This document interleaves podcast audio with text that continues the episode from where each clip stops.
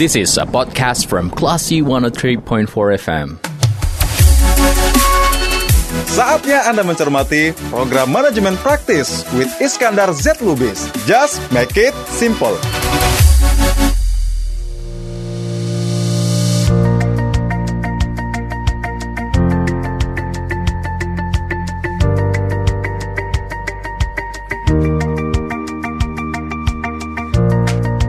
Dari Bumi Karang Putih Darung Padang, 103.4 Kelas FM, this is the actual radio. Halo, apa kabar Kelas People? Kembali di program Manajemen Praktis with Iskandar Z Lubis. Just make, it, simple. Saya Lia Priyanka, host program manajemen praktis dan juga pastinya saya bersama dengan teman duet saya yang kece. Ada Yuri Edelin. Gimana kabarnya Yuri? Uh, baik banget dan kita ketemu lagi ya di Iya, manajemen bener praktis banget. with Iskandar Z Lubis. Dan kita kompak banget loh ya hari Oh ini. iya. Nuansanya hitam nih artinya kita udah mulai sehati ya. Di Iya. Episode kedua ini ya. iya, sehati biar kelihatan langsing di kamera. Oke, baiklah. Bener banget karena kita nggak cuma on air untuk Radio Klasi FM aja. Untuk Anda yang tidak sempat untuk mencermati Radio Klasi FM, silahkan ke YouTube channelnya Klasi FM. Cukup ketik Klasi FM dan Anda bisa melihat, mendengarkan dan mencermati obrolan kami di manajemen praktis di YouTube channel tersebut. Gitu ya Pak Is ya? Ya. Pak Is apa kabar? Assalamualaikum.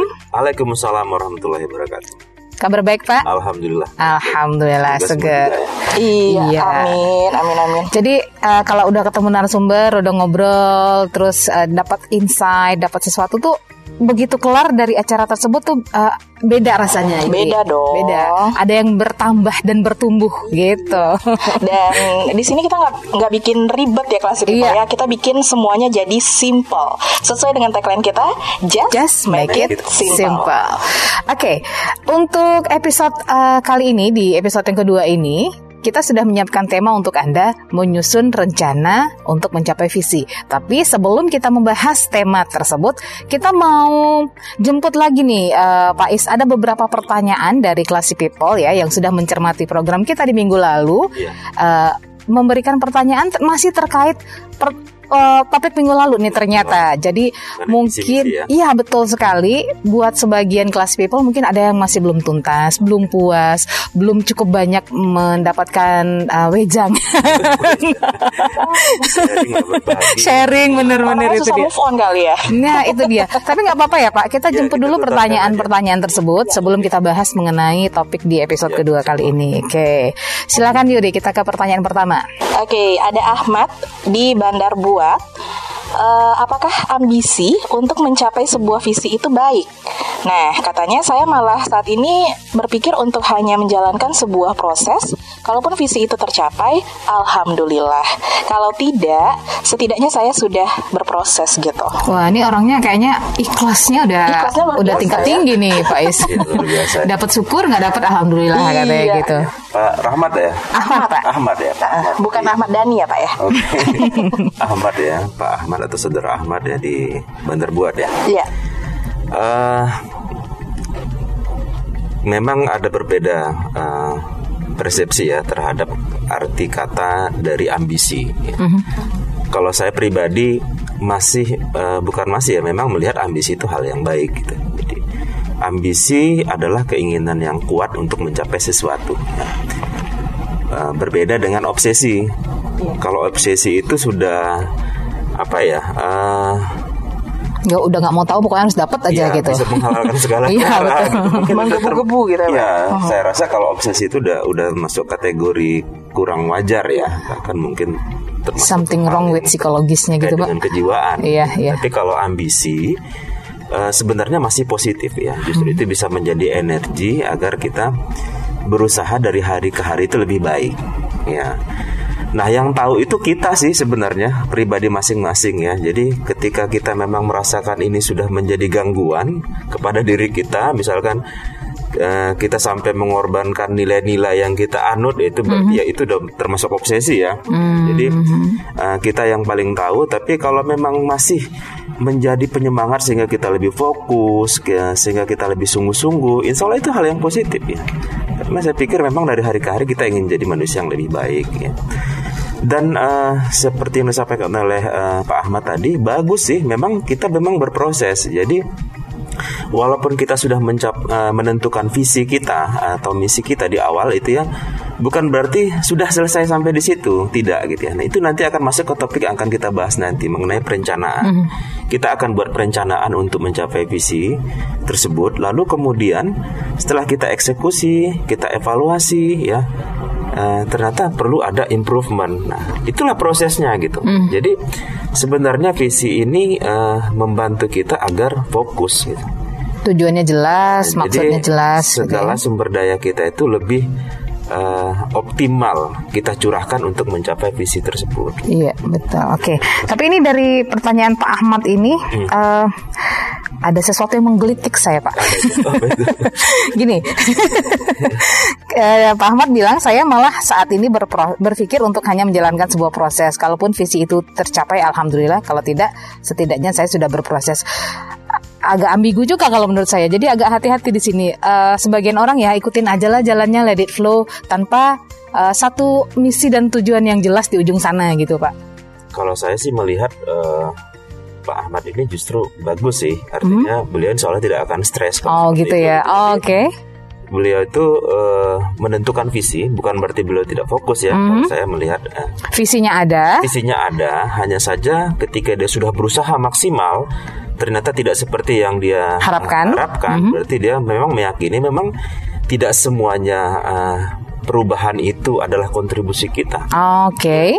Ya kita sebagai eh, orang yang beriman juga meyakini bahwa memang ada takdir Allah. Hmm, Oke, berarti intinya kalau ibaratnya ini sebuah perlombaan, eh, piala tuh bukan tujuan akhir si Bapak Ahmad misalnya begitu ya. Ya, jadi proses itu sendiri adalah pencapaian kalau menurut Iya, saya. Karena dalam proses itu sendiri terjadi perubahan kan di diri Iya. kita kan. Bayangin kita membuat rencana satu, Mhm. setelah dieksekusi eh, lalu kemudian kita evaluasi, kita improve lagi. Improve itu kan proses membuat kita jadi lebih baik. Oke, baik. Akan berulang-ulang sehingga kita memang eh, insya Allah by the time akan mencapai tujuan kita. Intinya tujuannya harus ada dulu, visinya harus jelas dulu gitu ya Pak. Iya, jadi kalau eh, kita sudah menentukan gue mau ke arah sana nih kayak gitu ya, masalah waktunya saja mungkin ya, atau mungkin ada hal yang lain yang di luar perkiraan kita di satu saat memang eh, ternyata memang itu tidak bisa kita tembus gitu, mungkin kita harus belok dulu gitu. Hmm, oke, baiklah kalau begitu. Positif kok itu. Semoga eh, sudah cukup eh, menjawab ya untuk Bapak Ahmad di Bandar Buat. Yang penting kita sudah berproses ini eh, positif sekali kalimatnya. Baik, eh, masih ada pertanyaan berikutnya, Eh, Pak Is. Kita ke Ibu Widya di Belanti Raya. Hmm. Oke, ini untuk Bapak narasumber dan Ibu host-host yang baik hatinya. Alhamdulillah. Jadi Ibu Widya ini eh, ingin bertanya begini. Misalnya kita pengen sukses, bebas finansial, menguasai segala bahasa, bagus di karir, dan jadi perfect mom.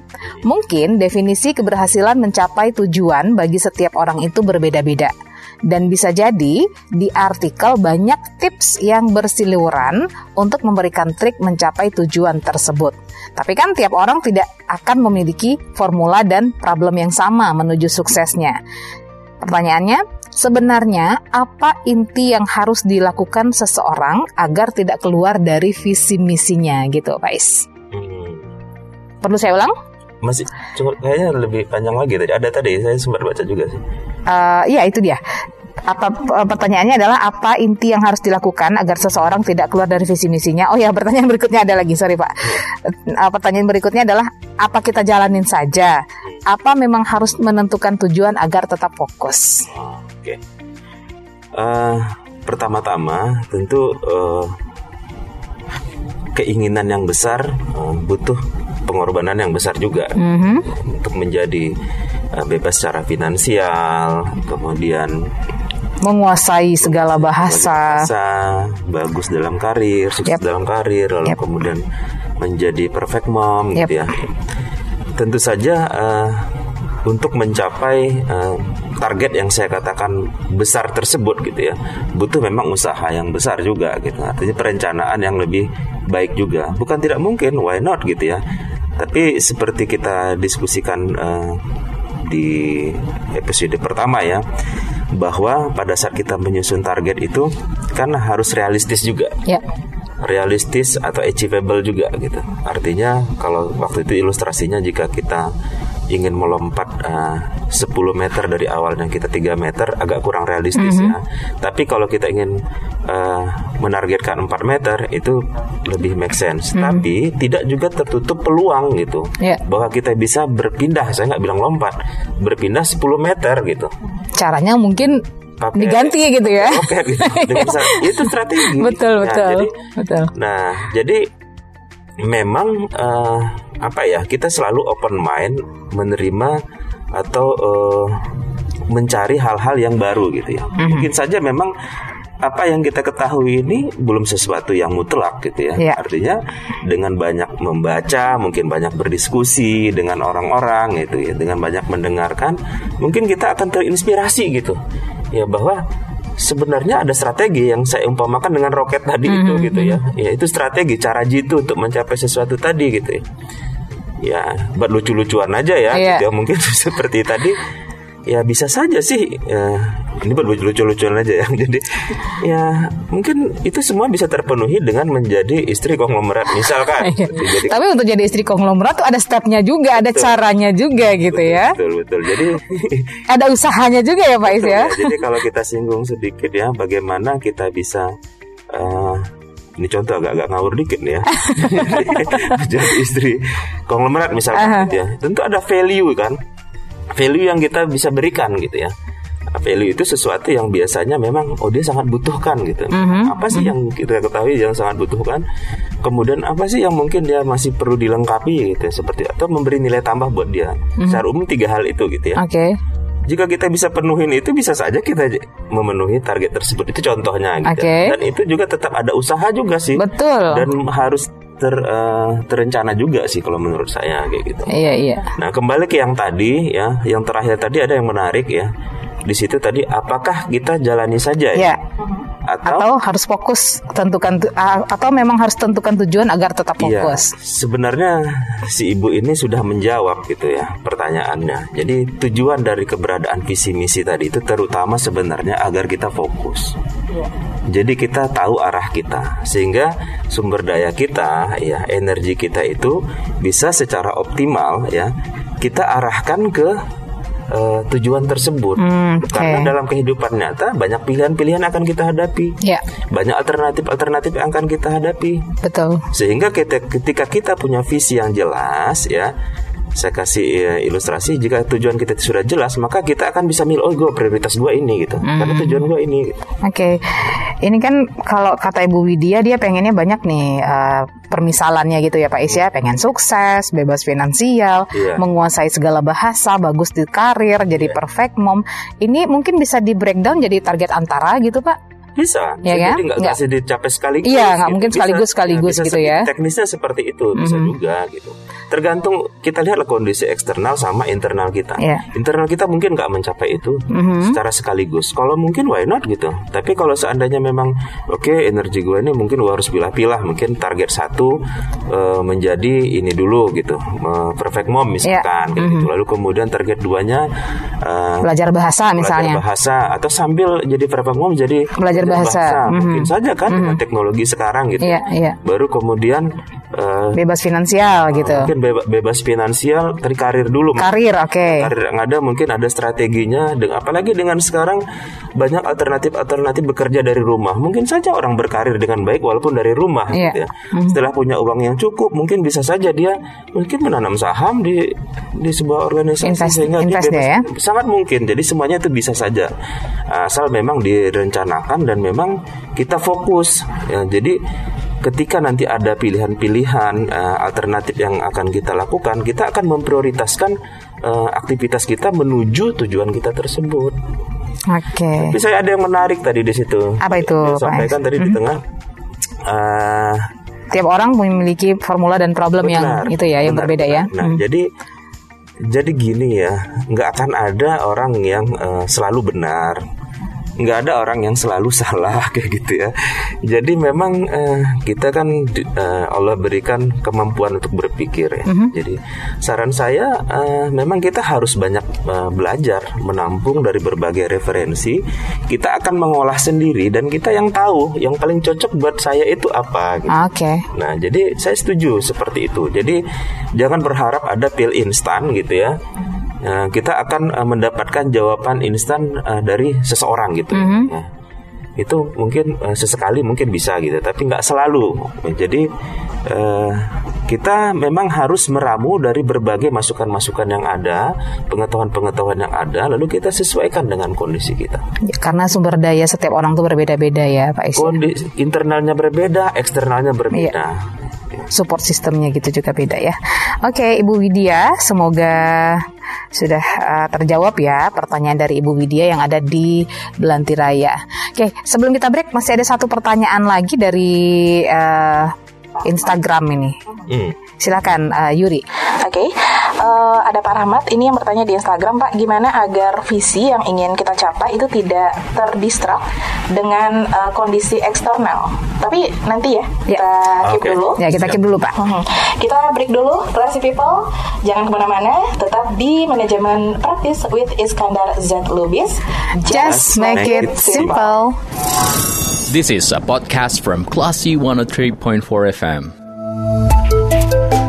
Management practice. Just make it simple.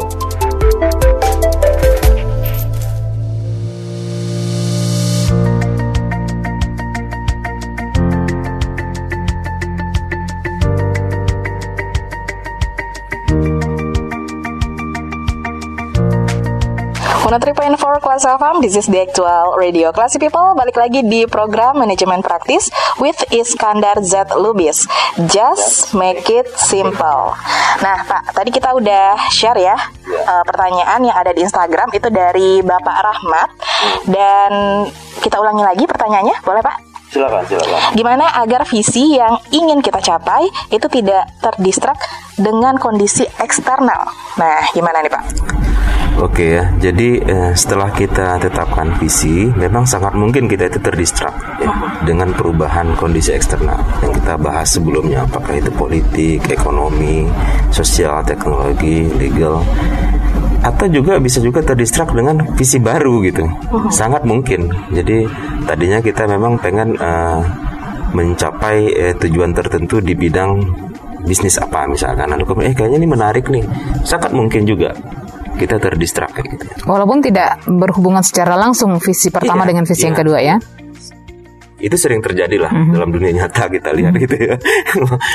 Makanya memang eh, pertama sekali waktu kita menyusun visi itu sebaiknya memang eh, kita ingin banget gitu. Artinya memang kita eh, sangat eh, apa ya sangat berharap banget secara emosional itu tercapai gitu. Sehingga itu pertama itu modal awal. Nah, sehingga kita kemungkinan terdistrak untuk visi yang lain itu akan relatif kecil. Nah, saya ada cerita menarik mengenai hal ini gitu. Jadi, saya punya seorang teman ya.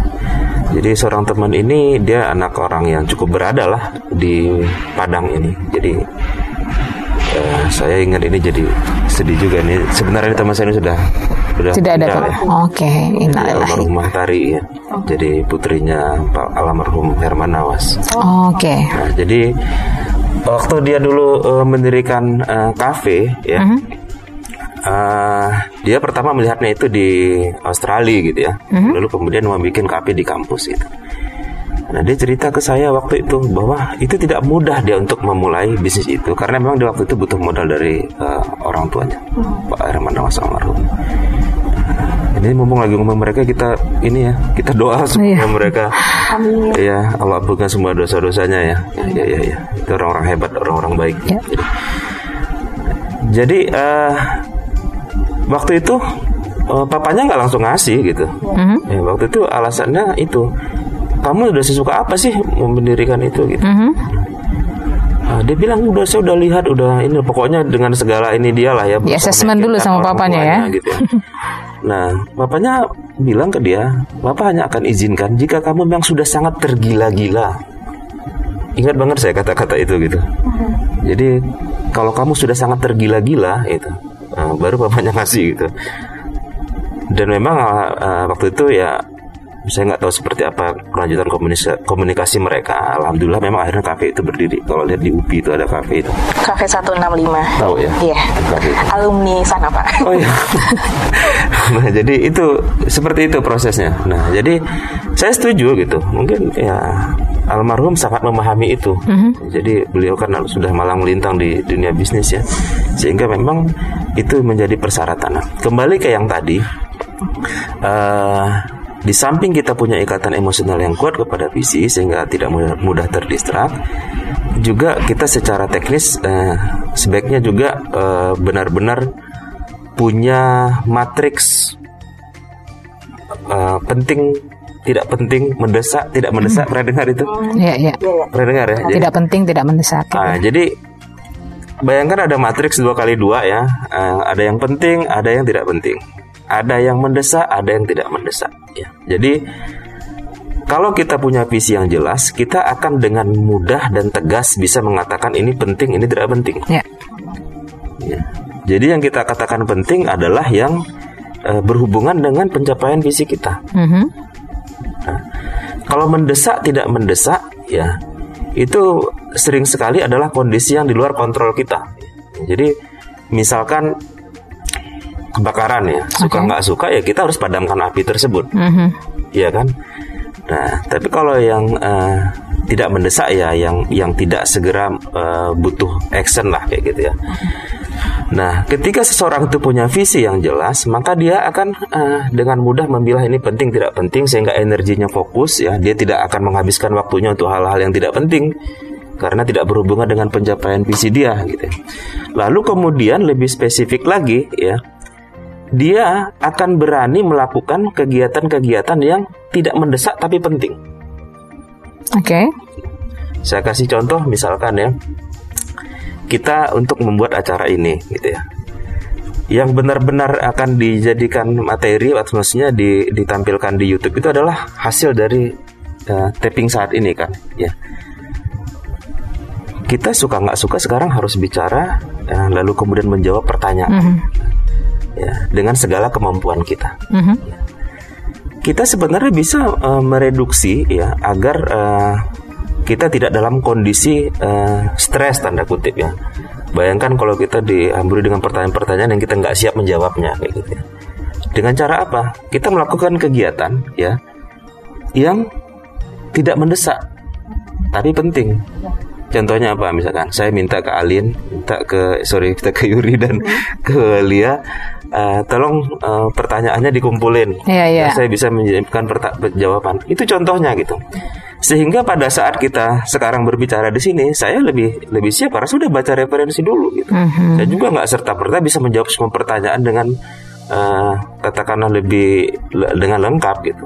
Memang tidak lengkap ya, tapi sedapat mungkin bisa optimal gitu. Nah itu contohnya gitu. Nah, jadi eh, bagaimana caranya kita eh, jangan mudah terdistrak? Jawaban pertama tadi harus punya ikatan emosional yang kuat, memang pengen banget mencapai visi tersebut.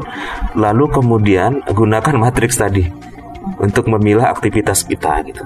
Jadi kalau kita eh, tahu ini tidak berhubungan dengan visi kita, maka kita fokus ke yang berhubungan saja atau yang kita katakan penting tadi. Lalu kemudian untuk eh, bagaimana mengimprove-nya, kita tadi melakukan aktivitas-aktivitas yang eh, belum eh, mendesak sehingga ibaratnya itu sedia payung sebelum hujan lah kalau bahasa dulunya gitu ya. Nah, kira-kira seperti itu.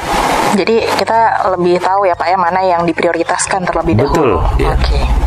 Oke. Pak Rahmat tadi ya, Yuri ya. Ya. Semoga sudah cukup menjawab Pak Rahmat eh, jawaban dari Bapak Iskandar terkait dengan pertanyaan yang sudah Anda kirimkan di Instagram Kelas FM. Untuk Anda, Classy People yang masih punya pertanyaan, boleh seputar topik, boleh di luar topik, silahkan. Jika pertanyaan Anda masih berhubungan dengan dunia manajemen, Anda bisa kirimkan melalui WhatsApp Kelas FM di 08 12 660 1034. Nah, biasa request kan di situ. Jadi sekarang selain request silahkan kirimkan pertanyaan juga. Selain itu, Anda juga bisa mengirimkannya melalui Instagram ya di Klasi FM. Jangan lupa di follow dulu dulu Instagramnya Classy People dan pertanyaan Anda akan dijawab oleh Bapak Iskandar di program manajemen praktis bisa dilihat di channel Classy FM, di subscribe ya. Gitu. Jangan lupa di like juga ya kelas people. Iya bener dan di share. Ja- dan di share ya. Aduh, aura youtuber saya keluar. Oke, kita langsung masuk ke topik kita Classy People hari ini di hari Kamis ya. Dan seperti yang sudah kita janjikan, kita akan bahas itu mengenai eh, cara untuk menyusun eh, men- menyusun rencana untuk mencapai sebuah visi, gitu ya Pak ya? Mhm. Tadi sedikit-sedikit mungkin udah dijawab sama Pak Iskandar, tapi untuk eh, penjabaran lebih lengkapnya kita bisa langsung ke Pak Iskandar ya. Eh, pertama-tama eh, sebelum kita membahas apa itu eh, rencana ya dalam sebuah aktivitas manajemen, eh, kita perlu eh, memahami dulu bahwa rencana itu bagian dari siklus manajemen. Jadi ada ada berbagai versi ya, mungkin pernah dengar eh, POAC Ya. ya, planning, organizing, actuating, controlling Yep. ya. Ada juga yang membuatnya jadi simple eh, PDCA plan, do, check, action. gitu ya. Ada juga yang eh, plan, eh, do, check, improvement. Ada macam-macam gitu ininya. Tapi intinya ada aktivitas yang eh, berulang sebenarnya. Jadi pada saat kita menyusun rencana pertama ya kita memang sudah membayangkan bahwa eh, tidak serta merta dengan rencana itu eh, kita akan mencapai visi gitu. Karena nanti akan ada improvement di prosesnya. Tapi dengan eh, perencanaan yang matang di awal tentu perubahan-perubahan perencanaan akan akan sedi- semakin sedikit terjadi gitu namun eh, nikmatilah prosesnya. Karena dalam prosesnya itu sendiri sebenarnya terjadi improvement di diri kita. Ya jadi ada continual improvement. Kenapa saya sampaikan sebelumnya? Ya just do it saya bilang ya. Jadi jangan ragu-ragu gitu. Ayo mulai tidak akan pernah langsung sempurna. Kita sebenarnya menyusun rencana menentukan visi itu adalah eh, kita siap untuk berproses. Seperti itu sebenarnya dan itu jadi eh, perencanaan yang eh, baik itu seperti apa? Ya perencanaan yang baik tentu saja eh, mempertimbangkan kembali lagi kondisi internal internal kita dan juga eksternal ya. Mengulang yang sebelumnya juga gitu ya. Lalu kemudian eh, perencanaan itu sendiri sebenarnya juga ada tingkatan-tingkatannya gitu. Ada perencanaan strategis ya untuk level perusahaan misalkan dan kemudian ada turunannya ke bawah lagi ya bahkan sampai kepada individu masing-masing kalau pada saat di individu masing-masing mungkin eh, relatif simpel saja plan do check action plan do check action gitu. Jadi artinya dalam kehidupan kita sehari-hari pun kita punya perencanaan gitu. Nah saya kasih contoh misalkan eh, supaya mudah dipahami ya yang kita lakukan sekarang aja ya. Program manajemen praktis ini kan bagian dari eh, katakanlah strategi klasi corporation mencapai visinya. Nah, jadi di klasi corporation sendiri ada perencanaan jangka panjang yang sifatnya strategis, ya. Kemudian diturunkan lagi tahunan gitu. Nah, tahunan tadi itu akan mendukung berputarnya eh, perencanaan atau eh, siklus manajemen di level strategis. Nah, lalu dari tahunan itu tersebut dibagi lagi ke masing-masing operating company. Operating company-nya radio misalkan. Jadi radio itu sendiri masih dijabarkan lagi ke bagian program. Program itu masih banyak lagi manajemen praktis. Nah, secara kita sendiri kita juga melakukan siklus itu. Ya kan? Ketika kita kemarin eksekusi eh, video pertama, kita kan review lagi. Kita tonton ininya eh, videonya apa yang kurang, eh, apa yang hal-hal yang perlu kita improve dan itu kita coba lakukan di kondisi sekarang dan ini akan bergulir terus seperti itu jadi artinya perencanaan besar itu adalah eh, sebenarnya kumpulan dari perencanaan-perencanaan kecil Oke. Ya. Nanti kita lanjutin lagi ya Classy People, sangat menarik sekali ya. Dan untuk Anda yang mau bertanya, silakan langsung aja di 081266011034 atau di Instagram kita. Dan untuk Anda keep in tune di 103.4 Class FM, this is the actual radio. This is a podcast from Classy 103.4 FM. Manajemen Praktis. Just make it simple.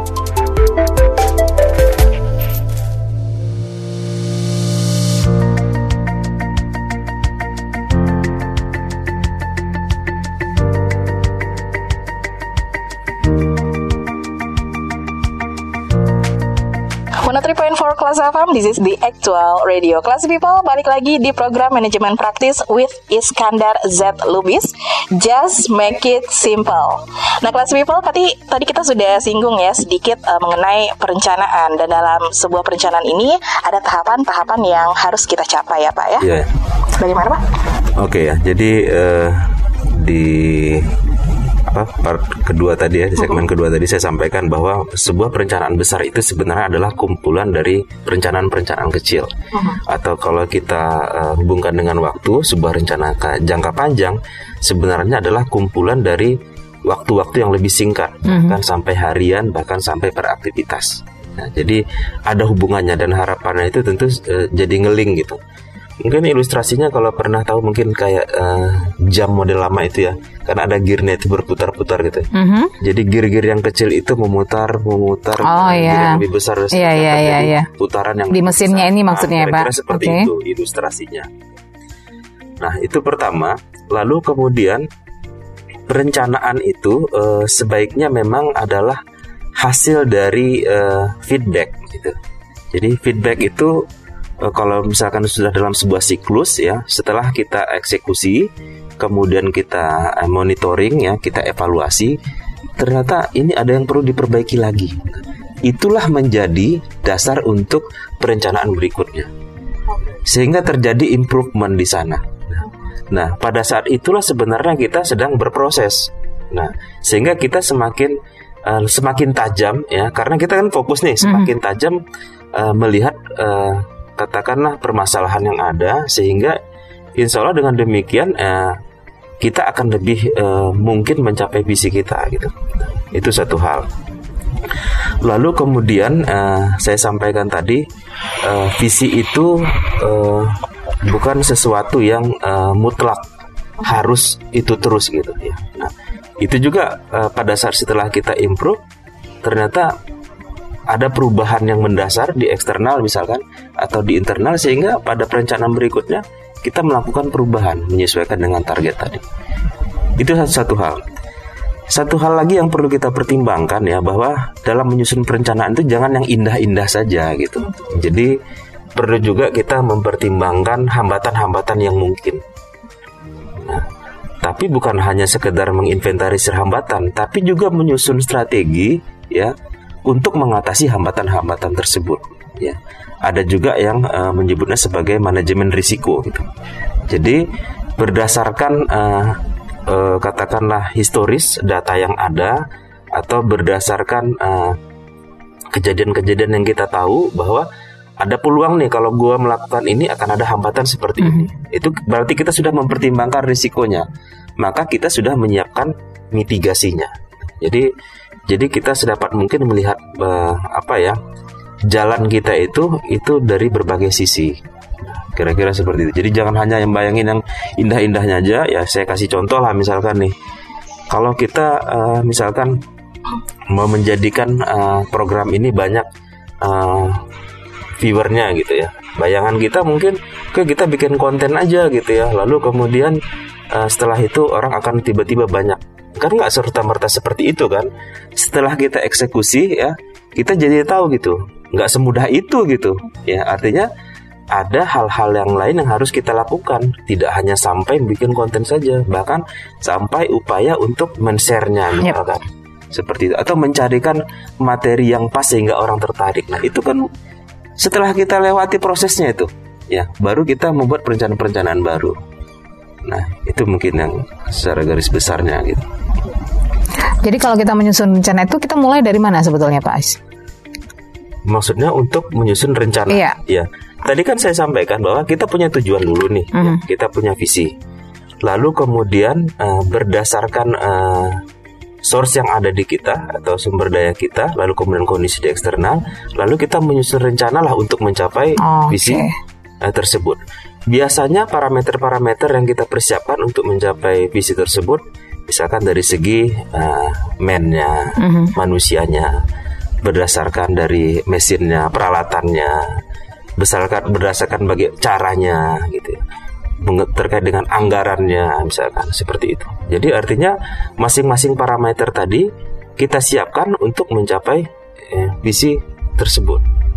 Oke. Nah, artinya dengan menyiapkan itu tadi, artinya kita menyiapkannya untuk bisa dieksekusi. Jadi perencanaan yang terbaik itu adalah perencanaan yang bisa dieksekusi. Sebenarnya memang agak jadi apa ya? Agak susah memahami kalau kita tidak melihat eh, perencanaan itu bagian dari sebuah siklus manajemen. Mungkin ada baiknya saya jelaskan juga ya. Jadi setelah kita rencanakan ya, kalau kita mengikuti POAC, planning, organizing, actuating, controlling tadi ya, setelah kita rencanakan berarti kita siapkan orang nih untuk mengeksekusinya ya kan itu organizing namanya ya Uh, kalau saya kasih contoh misalkan uh, mungkin kita semua suka sepak bola ya umumnya ya nah saya kasih contoh misalkan Rata-rata suka sepak bola. Rata-rata, oke. Targetnya kita uh, memenangkan pertandingan sepak bola. Oke. Itu rencananya gitu ya. Rencananya seperti apa? Itu biasanya di ruang ganti itu dijelaskan oleh si pelatih gitu ya. Jadi kamu di uh, depan nih, Ya. katakan penyerang, kamu bagian uh, pemain penghubung, kamu pemain belakang. Itu organizing. Lalu kemudian si pelatih akan uh, menjelaskan strateginya seperti apa. Misalkan ini lawan yang kita hadapi ini adalah uh, lawan yang dia strateginya itu parkir bus ya misalkan gitu ya kan. Nah artinya bagaimana untuk membongkar parkir bus ini gitu ya. Artinya mungkin pemain sayap itu dijelaskan biasanya di Skemanya ya, ada. skemanya ada Mhm. jelaskannya. Ini pemain sayap ini kamu maju ke depan, Mhm, mhm. terus aja ke ke ujung kanan misalkan gitu kan sehingga mereka terdistrak. Nah, Iya, iya, mereka iya. teralih perhatiannya ke sana. Lalu kemudian bersama dengan itu pemain tengah itu siap-siap support kalau misalkan bolanya balik lagi, tapi sama juga ng- ngambil peluang gimana supaya nanti pada saat diumpan bisa nyetak gol. Misalkan seperti Mhm, mhm. strategi itu ya atau strategi bersepak bola tadi itu itu adalah actuating upaya actuating nah kemudian pertandingan dimulai ya. Nah dicoba dipraktekkan kan? Ya. Setelah di itu tadi maka kan kita lihat itu kontrol. Jadi pada saat selama pertandingan itu kan pelatih itu kan semua memperhatikan. Ya sehingga ada mungkin lihat asisten pelatih itu kerjanya kan nulis-nulis itu Iya, iya. apa yang apa yang dia catat apa yang menyimpang dari yang direncanakan tadi pada saat nanti turun minum ya kemudian itu dibahas lagi. Mhm. nah tadi ada yang kurang nih kamu seperti ini terjadilah plan berikutnya. Jadi jadi sebuah sebuah siklus sebenarnya. Itu contoh yang sederhana di bermain sepak bola. Nah dalam eh, perusahaan biasanya eh, ada rencana tahunan yang di, dijabarkan menjadi rencana bulanan dan bahkan dijabarkan menjadi rencana mingguan atau bahkan harian Nah, pada masing-masing periode tersebut sangat mungkin sih dievaluasi. Jadi eh, itu tadi saya sampaikan perencanaan-perencanaan besar itu sebenarnya didukung oleh perencanaan-perencanaan kecil. Posisi kompetitor eh, kita tempatkan seperti apa Pak dalam sebuah perencanaan Pak? Nah, jadi eh kalau kompetitor namanya berarti kan kita bersaing ya, Iya. seperti itu ya.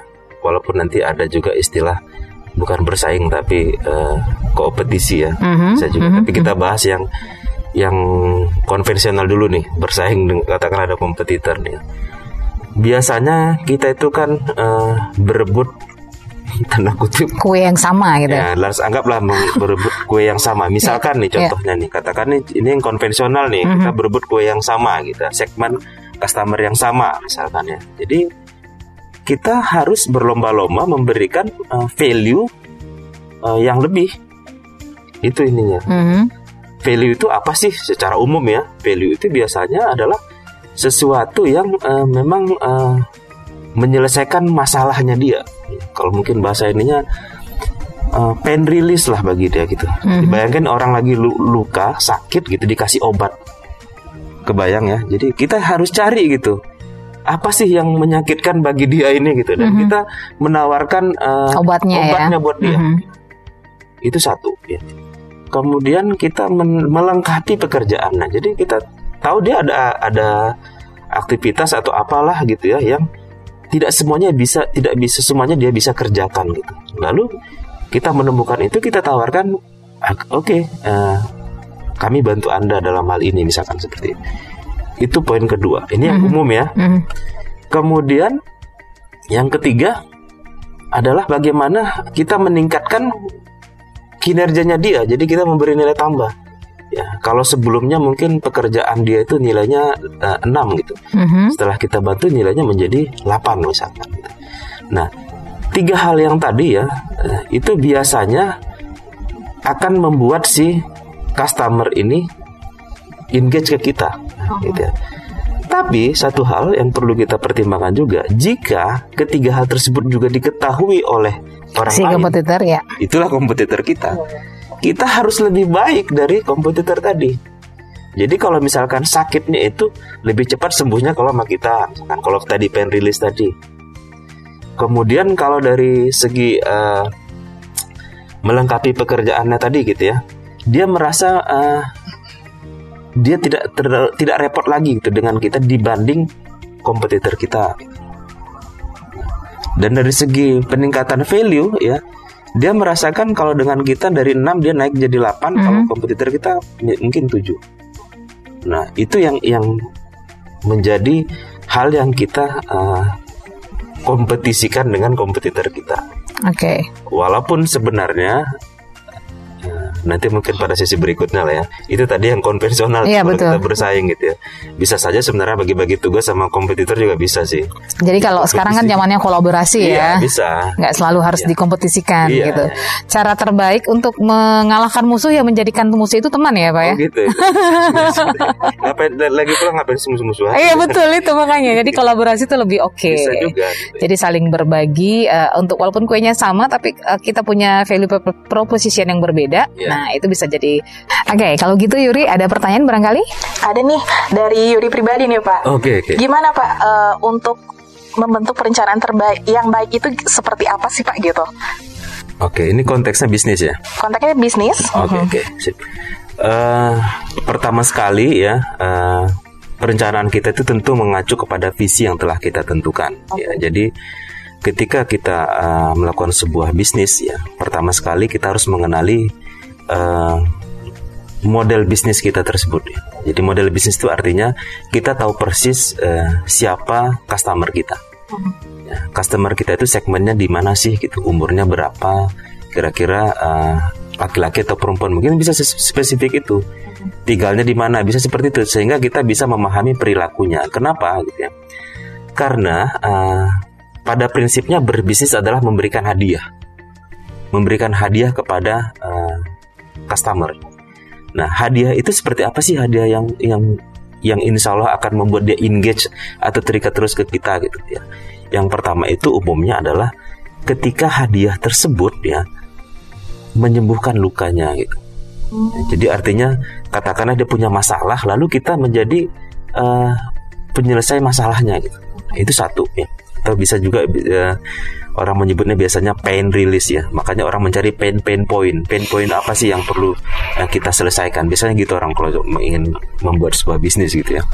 Kemudian eh, apa pekerjaannya yang nggak tuntas ya? Itu contohnya atau pekerjaannya yang tidak bisa diselesaikan semuanya. Maka kita datang sebagai provider atau penyedia membantu pekerjaan tersebut. Itu satu lagi, itu berarti udah dua ya. Dan yang ketiga, kita eh, dengan apa membantunya di, membantu dia sehingga kinerjanya meningkat. Artinya memberi nilai tambah kepada customer. Nah, biasanya ketiga hal tersebutlah yang diramu oleh eh, pebisnis-pebisnis ya dan eh, menjadi sebuah eh, produk ya menjadi sebuah produk eh, yang biasanya kalau bahasa soloknya value proposition katanya. Namanya. kira-kira seperti itu gitu ya. Nah untuk menghasilkan produk tadi ya itu kan eh, butuh eh, butuh sumber daya butuh aktivitas ya. Bahkan untuk eh, aktivitas ada kalanya atau eh, kita butuh partner juga mensupport kita ya. Bahan-bahan kita juga untuk eh, menghasilkan produk tadi juga sering kali juga disupport oleh orang lain juga. Artinya kita perlu punya partner juga key partner. Itu saya ingin ngasih gambaran bagaimana sebuah bisnis proses gitu. Setelah produknya itu jadi ya, ya itu pun butuh waktu ya atau butuh cara ya bagaimana memperkenalkan produk ini kepada si customer.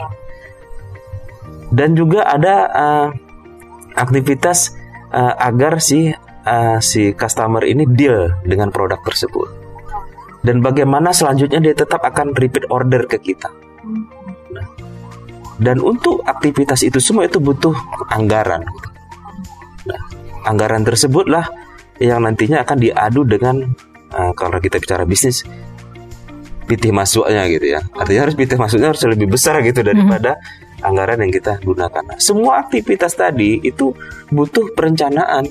Ya. Bagaimana merencanakan uh, menghasilkan produknya. Ya, kalau kita bicara sumbernya, bagaimana perencanaan menyiapkan orangnya.